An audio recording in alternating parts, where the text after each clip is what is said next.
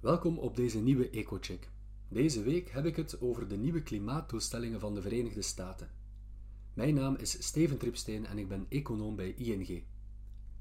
We waren er al een tijdje aan gewend geraakt dat de Verenigde Staten weinig leiderschap toonden in zaken de klimaatkwestie. Maar de komst van president Biden heeft veel veranderd.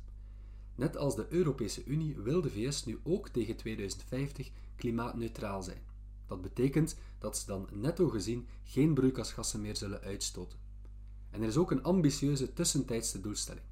Biden wil dat de VS de helft minder uitstoot ten opzichte van 2005 tegen het einde van dit decennium.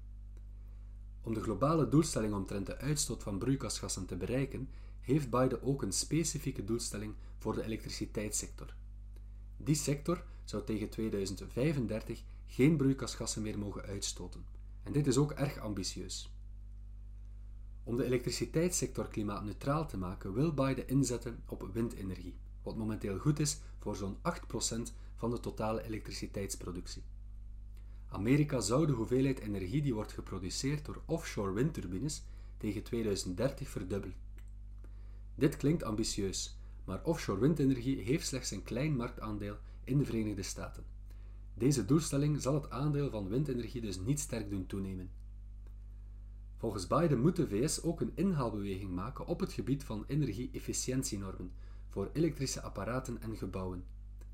De CO2-uitstoot van woningen is goed voor 20% van de totale CO2-uitstoot in de VS, een veel hoger percentage dan bij bijvoorbeeld België, waar woningen goed zijn voor 13% van de CO2-uitstoot.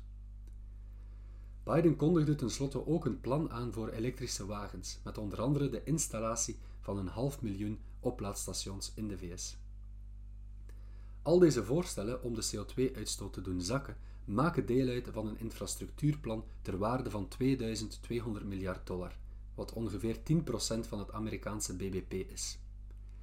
En deze groene plannen zijn bovendien ook van belang in diplomatiek en commercieel opzicht. Het klimaat is namelijk een van de laatste diplomatieke terreinen waarop China en de VS niet met elkaar in de knoop liggen. Maar dit plan zou dit kunnen destabiliseren. Achter veel van de voorgestelde projecten gaat immers een economisch herstelplan met protectionistische aspecten schuil.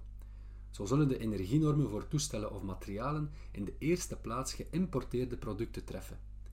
De goede bedoelingen van de Verenigde Staten op het gebied van klimaatverandering zouden dus wel eens tot nieuwe spanningen kunnen leiden met China. Zo, dit was de podcast van deze week. De VS heeft dus haar klimaatdoelstelling verhoogd en het maakt deel uit van een economisch herstelplan. Het valt af te wachten of dit nieuwe spanningen met China veroorzaakt. Bedankt om te luisteren en tot een volgende keer.